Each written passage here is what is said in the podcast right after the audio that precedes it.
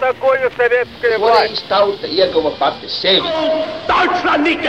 Liktenīgas nejaušības un slēptas likumsakarības, subjektīvas patiesības un objektīvi aizspriedumi. Pēc atkušņa nekad nenāk uzreiz pavasars, bet sākās Arī šodien cilvēki ir ļoti tuvredzīgi. Viņi redz to naudu, kas ir. Televīzijā jau pamatā notiek cīņa par varu. Pagātne no šodienas skatu punkta un šodienas caur pagātnes prizmu. Raidījumā šīs dienas acīm. Katru svētdienu Latvijas radio eterā Eduards Liniņš. Labdien, cienījamie klausītāji! Nu jau kādu laiku sabiedrībā tiek locīts Dailes teātra dibinātāja, režisora Eduarda Smilģa vārds. Starta signālu deva jaunā Rīgas teātra vadītājs Alvis Hermanis, komentējot savu lēmumu uz restaurētās teātra ēkas, vēsturiskās Dailes teātra mājvietas sienas, neatjaunot tur savulaik pēc paša Hermaņa iniciatīvas izvietoto Eduarda Smilģa fotoportretu, fotogrāfa Gunāra Bindes hrestomātisko darbu. Kā motīvu Hermanis piesauca Smilģa sadarbību ar padomju okupācijas režīmu, raksturojot viņu kā centīgu kolaborantu. Visai paredzami ap šo izteikumu sākas pietot sociālo tīklu viedokļu paudēju pūlis, reproducējot un apzelējot Hermaņa teikto. Lieluma lielajā vairumā šie komentāri neizceļas ar izpratni par tām sarežģītajām attiecībām, kādās ik viens, bet jo sevišķi ievērojams mākslinieks, nonāca ar pagājušā gadsimta totalitārajiem režīmiem.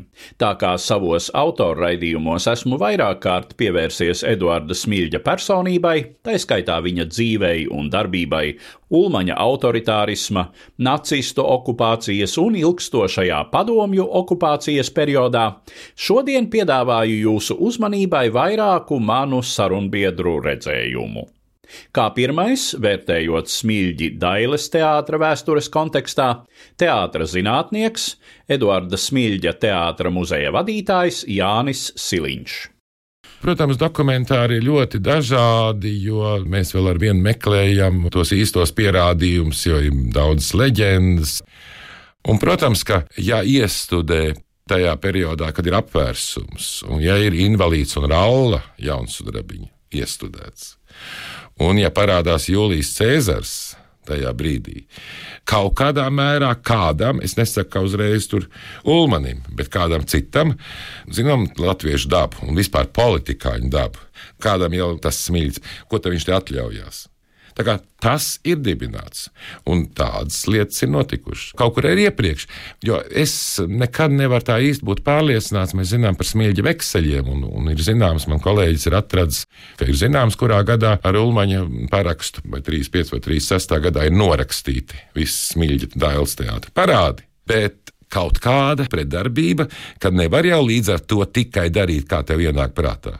Lai gan, piemēram, 33. un 34. gadā ir ļoti interesanti, jo ja pirms tam ir Jāzeps un viņa brāļi 33. gadā, tad 34. ir Ivānas Kājas iedzimtais grēks, laikmetīgais darbs, ir Jūģens un Nīls, mīl zem vīksnām, Dāļas teātrī, ko smilģis iestudē, ir invalīds un ralla, ir Monmartras violīte, brīnišķīgā kalmāna operete, ir Jūlijas Cēzars, ir Hamsuna augusts jūras braucējs, ir valda staburaga bērni, smilģa inscenējumā.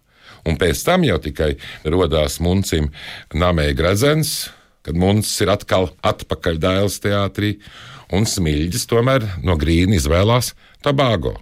Un es nevaru teikt, ka tā ir tikai tāda kalpošana vai izdabāšana varai. Tā ir kaut kādā veidā arī sapratne par to laiku, kādā mēs dzīvojam. Jo Smilģis to, man liekas, pierāda arī kā aktieris, kā režisors, kā inscenētājs, tāpat kā viņa labākie aktieri, arī pēc tam visās politiskās maiņās, vai 40. gadā, 41. gadā, ļoti labi izprot. Faktiski skatuviski brīnišķīgi nospēlē lomas.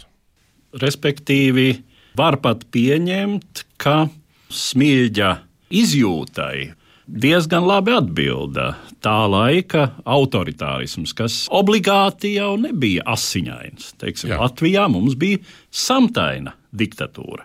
Tā laika Eiropas kontekstā teiksim, tāds atsevišķam cilvēkam diezgan panesams režīms. Nu, jā, smilģi teātrī nebija demokrātijas, atļaušos teikt. Ir zināms, arī Kaspāzija ir rakstījusi varāju un aizstāvējusi smilģi kādā brīdī par to, ka nevar viņu celt nos. Tāpat kā viņa atkal gribēja jau padomu laikos aizsūtot uz Maskavu. Mācīties 64 gadu vecumā arī tāds paradoks. Aizsūtīt, mācīties, lai tajā brīdī izdarītu it kā tīrām rokām Dāļas teātrī rokādas un maiņas. Bet viņam ir kaut kas dabā tajā. Tāds ir cilvēks. Citādāk viņš nemaz nevarētu to izdarīt. Viņš vienmēr ir teicis, ir tikai viens vadītājs no pirmās deklarācijas, tikai viens ir teātrī vadītājs. Un droši vien, ka lielā mērā tā tas arī ir. Ja mēs runājam par tādu tradicionālu teātri, Tālāk nāk, protams, visas pagājušā gadsimta vidus smagās politiskās kolīzijas, ir baigais gads, Latvijas okupācija, aneksija, tad karš, nacistu okupācija, pēc tam atkal atkārtotā padomju okupācija. Šajos satricinājumos, cik vispār paliek pāri no tā dailes teātra, kāds tas sagaida otrā pasaules kara sākumu, cik paliek pāri no trupas, no nu, cita personāla. Kara laikā jau sākoties trupa ir faktiski tāda pati. 41. gads tā ļoti krasi neizmainīja. Smilts taču momentāli. Mēs zinām visu to slaveno fragment, kad ir intervencija, ko iestudē, un viņš uzreiz saka biedri, bērziņa, biedri zīle, biedri kraicumi. Tie, kas tikko, tikko bijuši kungi un dāmas, uzreiz ir biedri, un tie arī runā monologu par trim bolševikiem. Un otrais pasaules karš, protams, nu, tas visus ietekmē, bet ļoti labi sapratni, ka mākslā jāstrādā. Jebkurā krīzes laikā to jau darīja arī Nacionālais teātris, to darīja arī Liepājas teātris. Jā, Liepāja bija citādāk, Liepājā bija armija ļoti stipra, un tur lielākā daļa dabūja balets iestudēt Liepājas teātrī un operas, tāpēc, ka nāca armija skatīties, un savējie tikpat kā nevarēja dažbrīd tikt iekšā teātrī, tāpat kā Nacionālā operā solo koncertu vai operā nevarēja notikt. Notika tikai izrādes un nu, galvenokārt balets. Jo tas ir vissaprotamākais. Iestudējumi mazāk, bet ir tādi ārkārtīgi spilgti, nopietni darbi. Tā skaitā arī 43. gada Romeo un Julieta. Tā skaitā arī Zīverts Mārtiņš, jo 41. gadu iesāk, kad jau ir okupācija ar Minhausenu precībām par sapni par Ulubeli un noslēdz ar Zīvertu, manuprāt, labāko lūgu ar varu, kas tālāk nekad nekur nav izrādīti.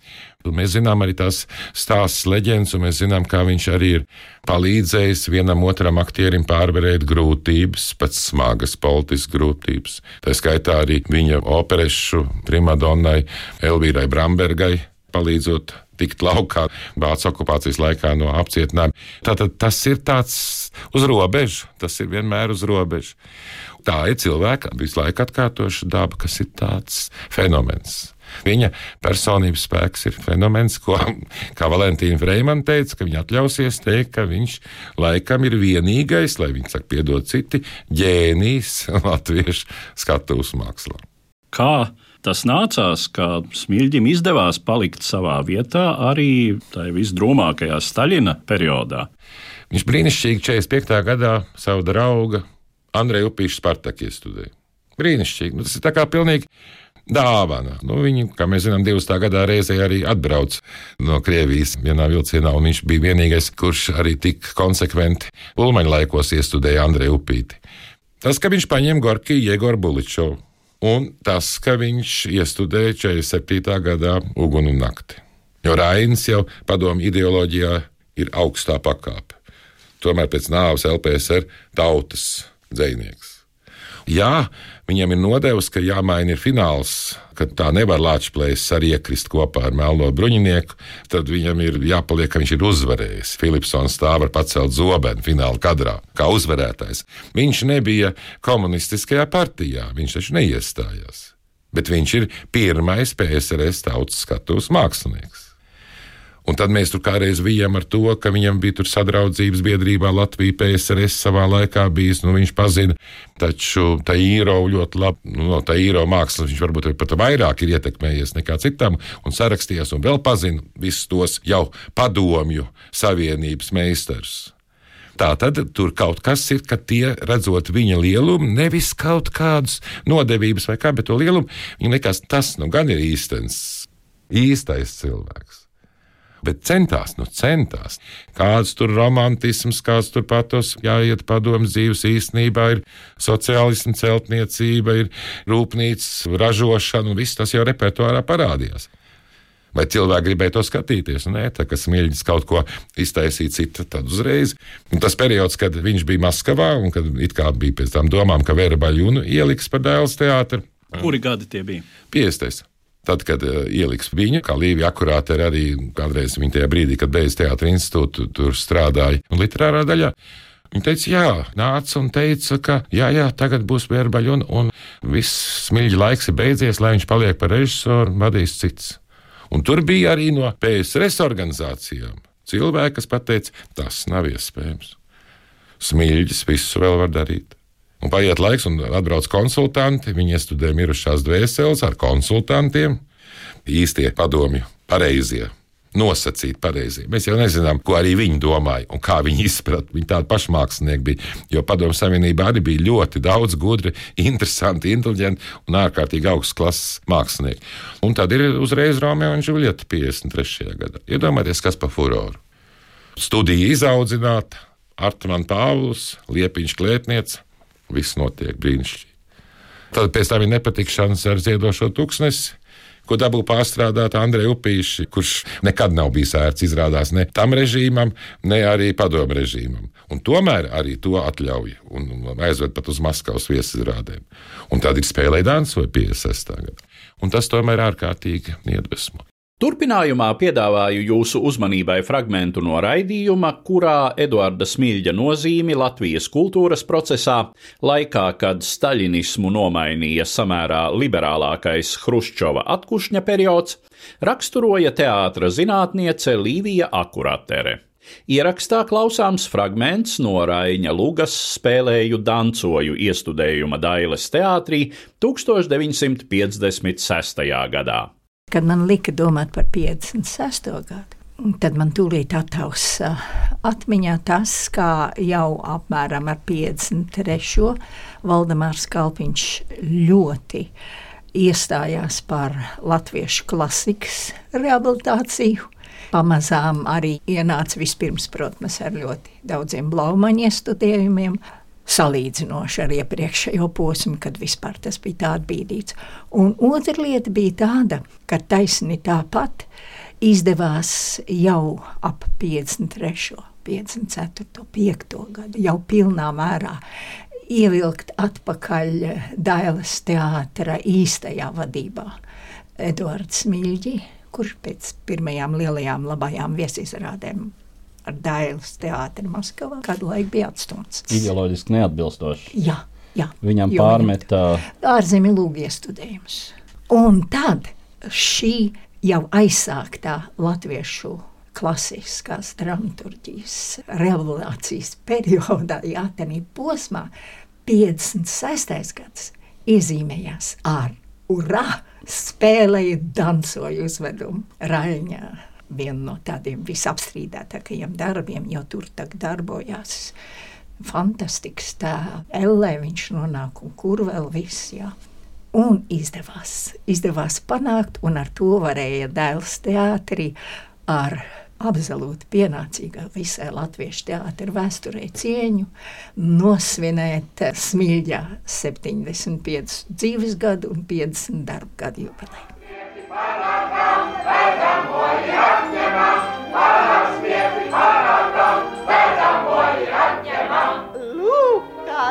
Dieviņš vēl no sveic, lai iet jauniem labumā. Saku nu vien, saku nu vien, kas to būtu iedomājis? Lūk, tad abi dabūjās vēl šai gaišā saulītē. Nav vēl nakts pagājusi, nec tie saules redzējuši, kopš devušies divatā. Velni veids, velni veids, vedam laukā, vedamo! Velni veids, velni veids, vedam Iedomājieties, dieva bērni aizsaulīta žuburi! Eč, kā vilki vilku vilka, paslidenu ledutiņu! Heč būt dzīves vecais kungs, kas tos kopā gan nedotu. Nec dēls viņā iestos. Nu pats mācējs nāves mākts. Nu var ļaudis elpu vilkt. Ko nu māsiņa elpu vilksi, vai tad mācējs nemāc vairs? Nakšu naktis apkārt liet, lopus jāj, asins sūds. Vaida visi, kas lai glābtu, mīris. Ko vairs dienā spēj? Mīris, guļ kā gluži dzīves, ozols zārkā nesapuvis. Lupu galā asins lās. Sūgdams mūsu valda vēl tā kā valdīs kopš laika. Visbeidzot, fragments no sarunas ar diviem Eduarda Smilģa skolniekiem - režisori un runas pedagoģi Ainu Matīsu un kinorežisoru Jānis Streiču. Laiks bija grūts un sarežģīts. Smilģis bija pretnis. Viņš varbūt visvairāk kā jebkurš cits bija teātra pasaulē demonstratīvi ar savu mākslu pretīm runājot tam diktātam, ko uzmāca mākslā. Un uh, es gribētu, Edvards, ka tu nolasi kādu teikumu, kas raksturo to laiku. Pirmais teikums jauno režijas kursa studentu lekcijā, kad runā mūsu kursa vadītājs Aleksandrs Lēmanis. Ļoti gudrs, nopietns un jauks režisors, vēlme kalpu režisors, un kurš nepavisam nebija sajūsmā par tām prasībām un idejām, kādas toreiz diktēja nu, teiksim, partija un valdība. Tā ir lekciju pierakstu klāte un mācāmais priekšmets režija. ir režija. Pirmā lekcija 1958. gada 1. oktobris. Mūsu teātra uzdevums - aktīvi paust mūsu komunistiskās partijas idejas. Ždanovs ir teicis, ka mākslinieks ir kaujinieks, kas stāv idejiskās frontes cīņu pirmajā līnijā. Un tā tālāk. Ja mēs zinām smilģa biogrāfijas faktus un to, kāda bija smilģa nozīme jau Latvijas pirmās neatkarības laikā, kad, būdams izcils režisors, kaut droši vien idejiski arī nepārāk tuvs Ulmaņa režīmam, viņš tomēr tika iesaistīts šī režīma propagandas pasākumos, un tas jau vien bija gana liels grēks padomju varas acīs. Droši vien, ka tā situācija smilģim bija sarežģīta visus padomju laikus, nu, nerunājot par Staļina laikiem, bet arī tajā brīdī, kad jūs sastapāties, kas jau bija Hruščova atkušņa laiks. Salīdzinoši liberālāks. Jā, es domāju, ka viņš arī to padomju varas uzvarošo gājienu bija gan atskatījies, būdams Krievijā revolūcijas laikā. Viņš daudz nerunāja par šīm lietām, viņš klusēja, un es domāju, tieši tāpēc, ka viņam bija ļoti grūti par to runāt, vai arī viņš pat varbūt baidījās runāt.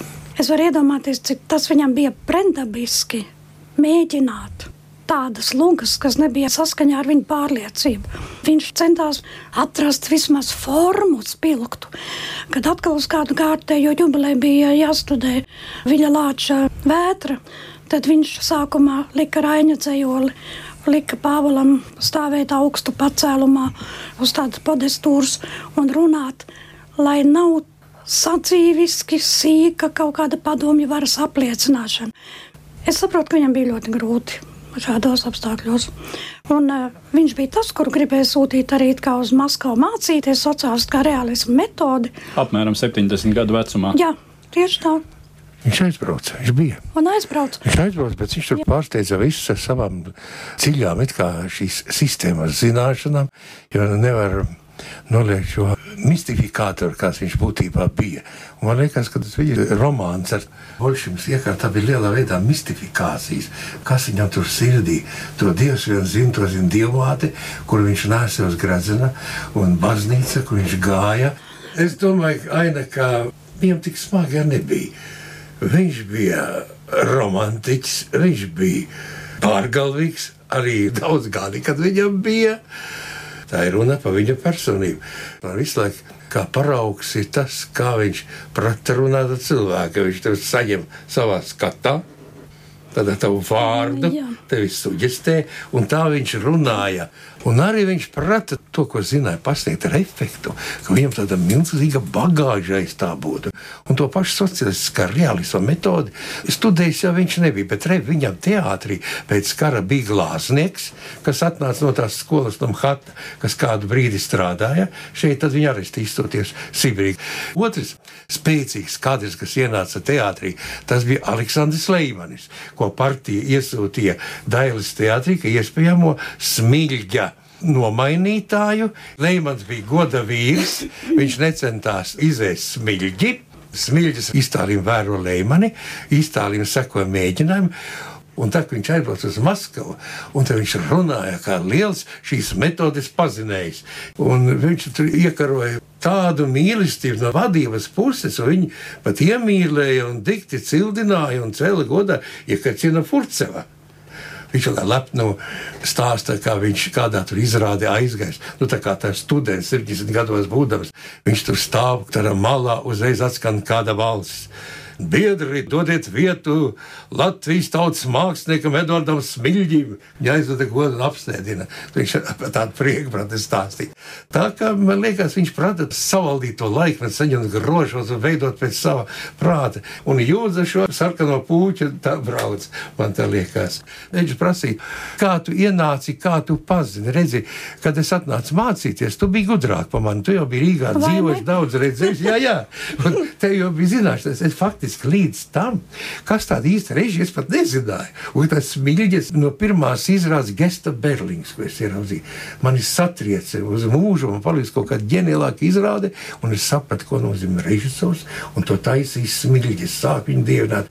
Pirms studijām es tādā tiešā kontaktā ar viņu nebiju. Bet es skatījos izrādes. Un pāri visām izrādēm, patiešām ne uz vienu citu izrādi savā mūžā neesmu vairāk kārt gājusi. Bet uz Tolstoja Annu Karēņina Dailas teātrī, kad uh, galveno lomu spēlē Lilita Bērziņa, es pat uh, aizbēgu no kādām stundām, lai varētu to dienas izrādi paskatīties. Un tā kā tu saki, tas bija fascinējoši. Man šajā teātrī ļoti saistīja dinamisks spēles veids. Tur nekad nebija gari, vienmuļi un garlaicīgi nekas, īpaši smilģi izrādēs. Un ļoti spilgta artistiska forma, saturs un forma tiešām vienotībā.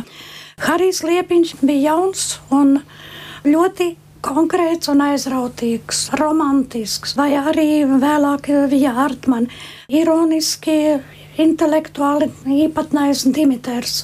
Bija daudz ļoti spilgtu personību. Ai, vai neliekas tev, ka viņš bija aktieris sadarījis pilnīgi tā kā tādu klaviatūru. Tas to spēlēs, tas to. Jā. Viņam bija tāds filtrs, amploā, ko kas darīs. Pacies, ka viņš taisīja karu un mieru, viņš mums stāsta, būvē dekorāciju un tad saka, un tagad parādās Žānis Priekulis un paziņo Kņāza Balkonska karieti. Žānis, kas bija būtībā labs aktieris. Bet arī viņš kā varonis laikam bija pa lielu augumā.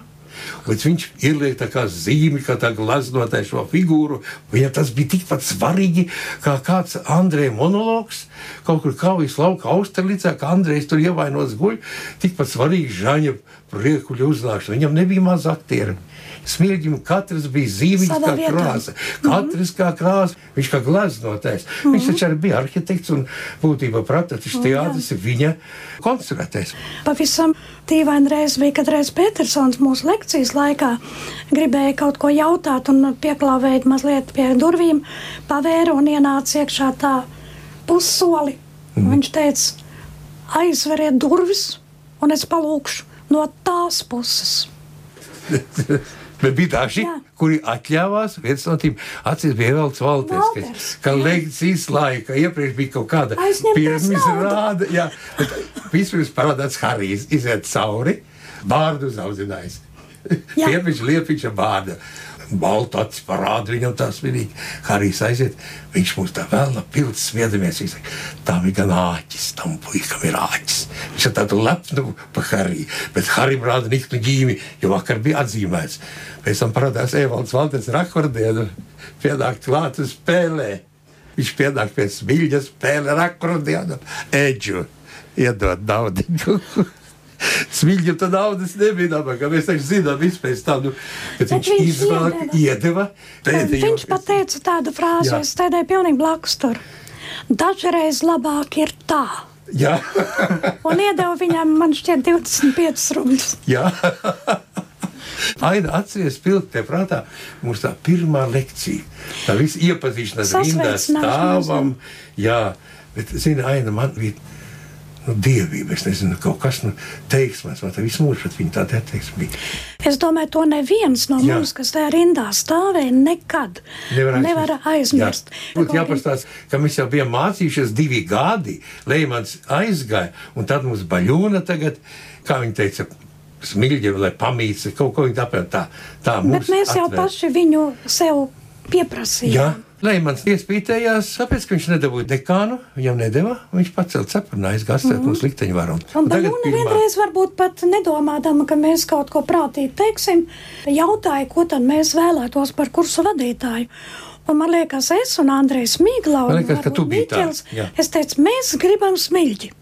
Un tad viņa domāja un teica, labi, ka viņi sazināsies un mēs nokļuvām viņa kabinetā. Ak, Dievs, tas, kas par satraukumu bija, mm -hmm. stāvam, viņš ienāk. Viņš iet gar rindu, un katram dod roku, tur to roku, un dažkārt kaut ko asprātīgu saka arī. Jā, Migla. Andrēs Migla pasaka savu vārdu, un smilģis runā. Kā pa tumsu, kā pa miglu, kā pa rudenīgu rasu tā tu atnāci un aizei zelta jaunība. jau roka iet, jau dod, laikam, Irēnai. Viņš jau ir iedevis jau, jau runā to. Viņš vēl runā dzējoli, jā. un Irēna visu laiku niksē. Irēna. Un saka, Semevica, Semevica, Semevica. Bet tas rokas spiediens tajā pirmajā stundā, tas nebija tikai rokas spiediens. Tas tiešām cauri visai dzīvei, kā Jā. veca, liela, varena cilvēka cieņas apliecinājums jauniem cilvēkiem. Viņš katrā no mums ieskatījās un uh, iesākt savu pirmo nodarbību, pievēršoties katram individuāli. Mārim Grēviņam viņš ieskatījās, un Māri viņš pazina vienīgo, jo Valdis Grēviņš bija teātra literārās daļas vadītājs. Māra roku turēdams, viņš tā smaidīja un teica: Māri, man liekas, ka tu esi tāds ļočiks. Pareizi. Vai tu pats īsti zini, ko tu gribi? Tu esi tagad režisoru kursā.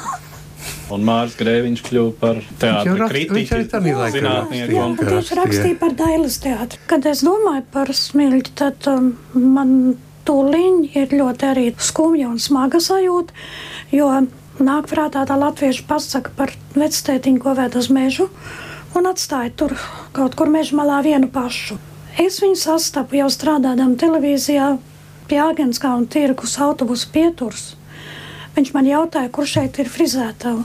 Jānocenot bārda, pļaviņās taisot daugavu ciet. Un kāds esot iedomājies, nes kāpēc arī smiļģīti vēl turp paaicināt. Pieklājas tā kā bērnu nodzīt, bet kur šeit ir frizētava? Es pat pabrīnījos, ka viņš šādi galvenā visu mūžu dzīvo un turpat ir frizētava, kāpēc viņš man jautā. Un tad bija tāda pauze, viņš prasīja, ko es darot. Es teicu, televīzijā raustu kloķus. Viņš teica, uz kloķiem nedusmojieties. Kloķi ir laba lieta. Un pēc tam turēja manu roku un tā kā jautāju, kā jūs domājat, Vai tikai Maķedonijas Aleksandra laikā bija traģēdijas, vai arī tagad? Es sapratu, ka viņš jautā par sevi. Es teicu, nē, ir arī tagad. Viņš teica, bet laikam neviens neprot uzrakstīt. Tā nu iznāk, ka Eduards Smilģis šoreiz virtuāli un simboliski nu jau atkal tiek izraidīts no sava dailes teātra. It kā jau ar vislabākajiem nodomiem skaust padomju totalitārisma mantojumu. Pie tam aktīvākie skaudēji neprot vai nevēlas saskatīt to, ka pat padomju režīma it kā ieredzēti un loloti mākslinieki tomēr pamanījās būtībā pretdarboties totalitārās varas iespaidam uz sabiedrības prātiem. Tāpat viņu viedokļiem ir sveša izpratne, ka ne jau atsevišķu personību radošā veikuma noliegums var dot kādu būtisku attīrīšanos no pagātnes totalitārās domāšanas domāšanas paliekām, bet gan attiecīgā domāšanas veida atklāšana un izskaušana pirmām kārtām jau pašu atpadomiskotāju prātos. Šo izpratni mums visiem novēlot, šodien no jums atvados. Uz redzēšanos, cienījamie klausītāji! Katru svētdienu Latvijas radio viens par pagātni sarunājas Eduards Liniņš.